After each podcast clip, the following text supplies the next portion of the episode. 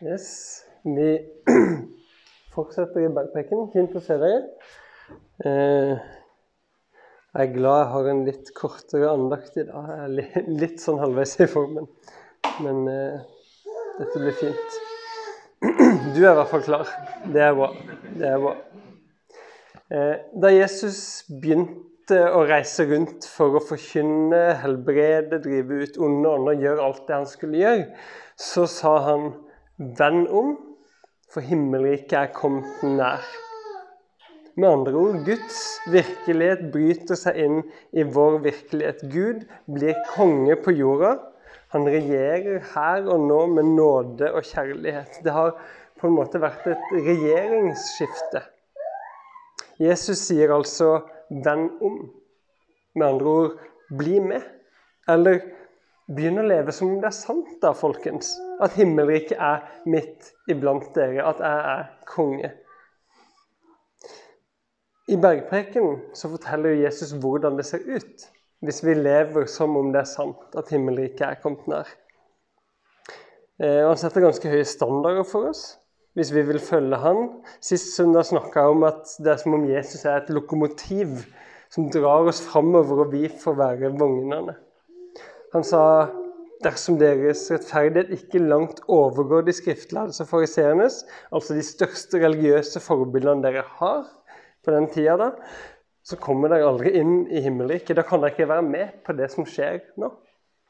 Og merk dere igjen, han sier ikke da kan dere ikke komme til himmelen, men da kan dere ikke komme inn i himmelriket. Den nye virkeligheten som er her. Og så etter det kommer han med seks eksempler på hvordan man kan overgå rettferdigheten til fariserene og de skriftlærde. Og De seks neste søndagene skal vi gå gjennom de seks eksemplene, de tingene Jesus underviser om. Eh, Og Jeg kommer til å ha litt kortere undervisning enn jeg hadde forrige måned. Bruke mindre tid til å forklare. Og Målet er at Jesu ord skal få lov til å berøre livene våre sånn som de er i hverdagen. Og også de andre tekstene vi leser sammen med dette at de skal få berøre og sånn som Kristoffer leste for oss her i stad.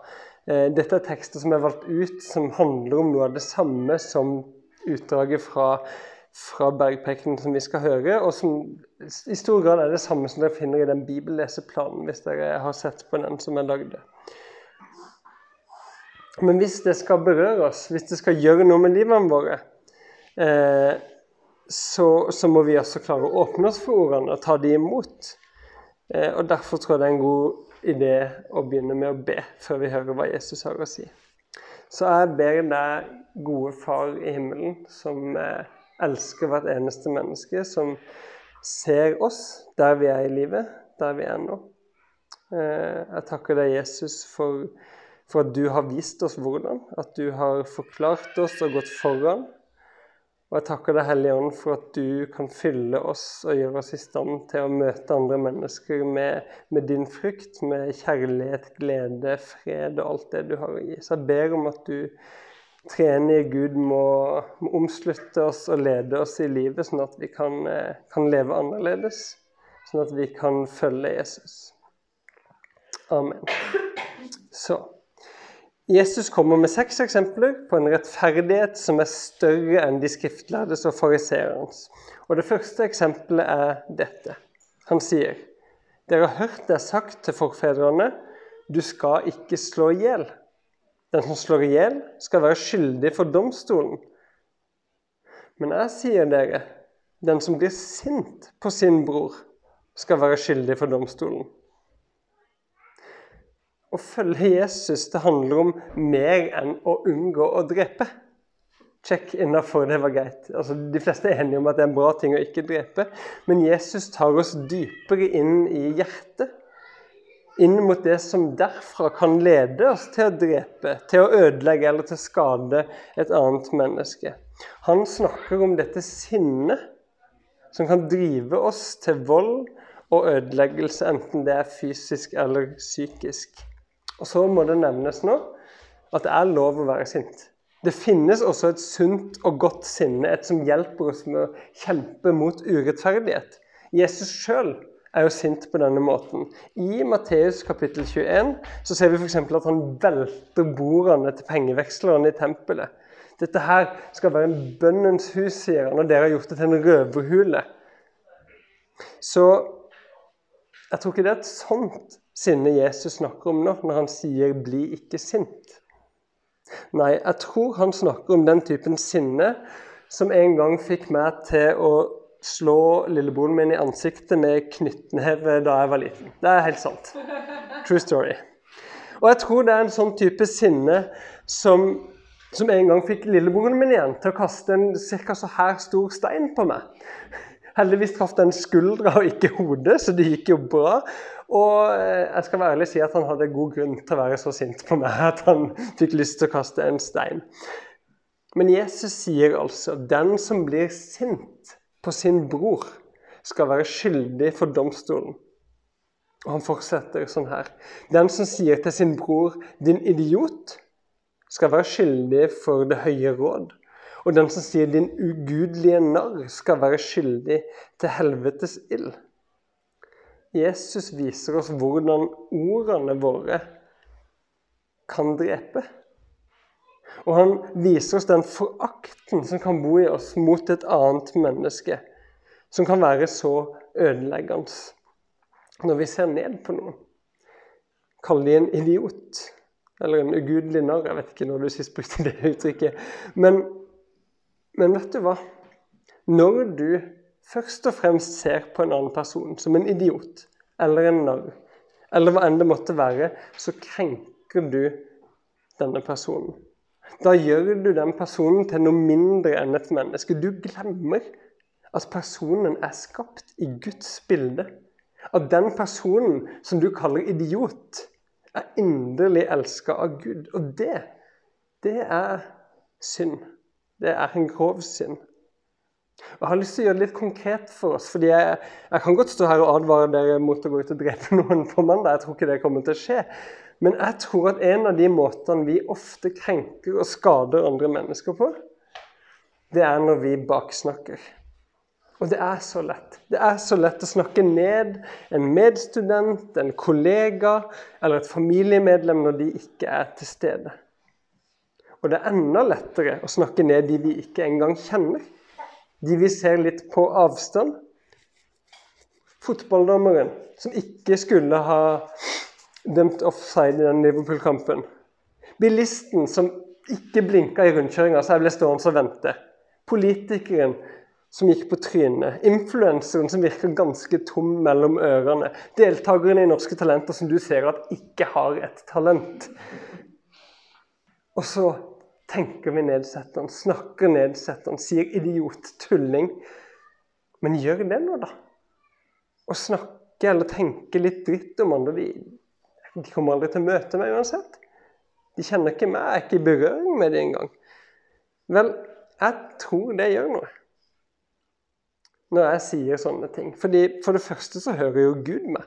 Og når jeg sier at et menneske som han har skapt, er dritt, da sier jeg egentlig at han som skaper, er ganske dritt. Og så krenker jeg min Gud. Og for det andre hver gang jeg sier at noen er tulling eller idiot eller ugudelig narr, så øver jeg meg på å tenke nedsettende som andre mennesker. Da øker jeg også sjansen til å si noe stygt om deg bak din rygg, eller kanskje til og med når du er til stede.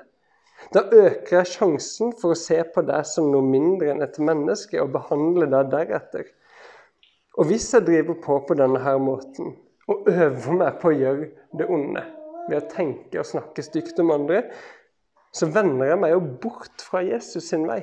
Bort fra himmelriket, bort fra det som gir liv. Og Jesus står foran meg og sier, 'Nei, nei, vend om. Snu deg. Himmelriket er kommet nær. Bli med på det jeg gjør i verden.' Jesus vil at vi skal øve oss på å gjøre det som er godt og livgivende, også i de små tingene. Og Så fortsetter han bergprekenen med å gi disiplene et eksempel på dette, på en øvelse. Dette er ikke en sånn regel eller lov han kommer men en øvelse på å dyrke gode relasjoner og velge forsoning framfor bitterhet og sinne i møte med mennesker der rundt deg. Nå skal jeg lese de to neste avsnittene han sier. Om du bærer offergaven din fram til alteret, og der kommer til å tenke på at din bror har noe imot deg, så la gaven ligge foran alteret, og gå først og bli forlikt med din bror. Altså, la religionen din ligge. Den relasjonen der er viktigere. Så kan du komme og bære fram offergaven din, sier han. Så fortsetter han med dette. Skynd deg å komme overens med motparten din mens du ennå er sammen med ham på veien. Ellers vil motparten din overgi deg til dommeren, og dommeren til vakten, og du blir kasta i fengsel. Sannelig sier jeg til deg, du slipper ikke ut derfra før du har betalt til siste øre.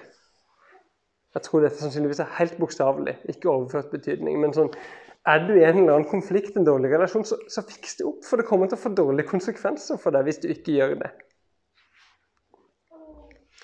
Jeg velger å gjøre det litt kort i dag. Jeg skal ikke forklare alle disse her ordene dypt i sin kontekst og sånn. Eh, spør meg om tips på bøker hvis dere har lyst til å grave dypere i det. Men det jeg har lyst til at du skal gjøre, er å tygge på disse ordene videre. Les de på nytt når du kommer hjem. Og Kanskje du da kan spørre deg sjøl Hvilket menneske er det som dukker opp i tankene mine når jeg hører ordene til Jesus? Er det noen jeg har noe uoppgjort med? Er det noen jeg har gjort noe vondt mot? Er det noen som fortjener et unnskyld fra meg? Er det noen jeg trenger å forsone meg med? Hvordan kan jeg velge det gode i møte med denne personen? Hvordan kan jeg leve som om himmelriket faktisk er også der? Det trenger ikke å være en konflikt. Det kan også handle om det som vi begynte med, å se ned på andre. Er det noen jeg har sett ned på i det siste? Er det noen jeg har snakka stygt om? Tenkt stygt om? Kan jeg framover denne uka øve meg på å snakke godt? Tenke godt om dette mennesket? Du kan spørre deg selv hvordan kan jeg drives av kjærlighet i møte med dette mennesket istedenfor forakt eller et sånt usunt, nedbrytende sinne? Hvordan kan jeg etterligne Jesus i måten jeg møter denne personen? Hvordan kan jeg etterligne Jesus når jeg møter mine neste? Hvordan kan jeg koble meg på den kjærligheten som Gud allerede har? Gud, min far, allerede har til det mennesket jeg ser foran meg. Hvordan kan jeg få tak i Åndens vilje? Ånden som bor i meg, som fyller meg med kjærlighet, glede, fred, ydmykhet. Hvordan kan jeg søke det gode i møte med dette mennesket? I begynnelsen av bergpreken i saligprisningene så sier Jesus Salig er de som skaper fred, for de skal kalles Guds barn. Så la oss ta imot den invitasjonen til å ikke drepe, så klart, men heller ikke skade med ord og tanker og handlinger vår neste, men heller være sånne som søker fred i alle relasjoner. Amen.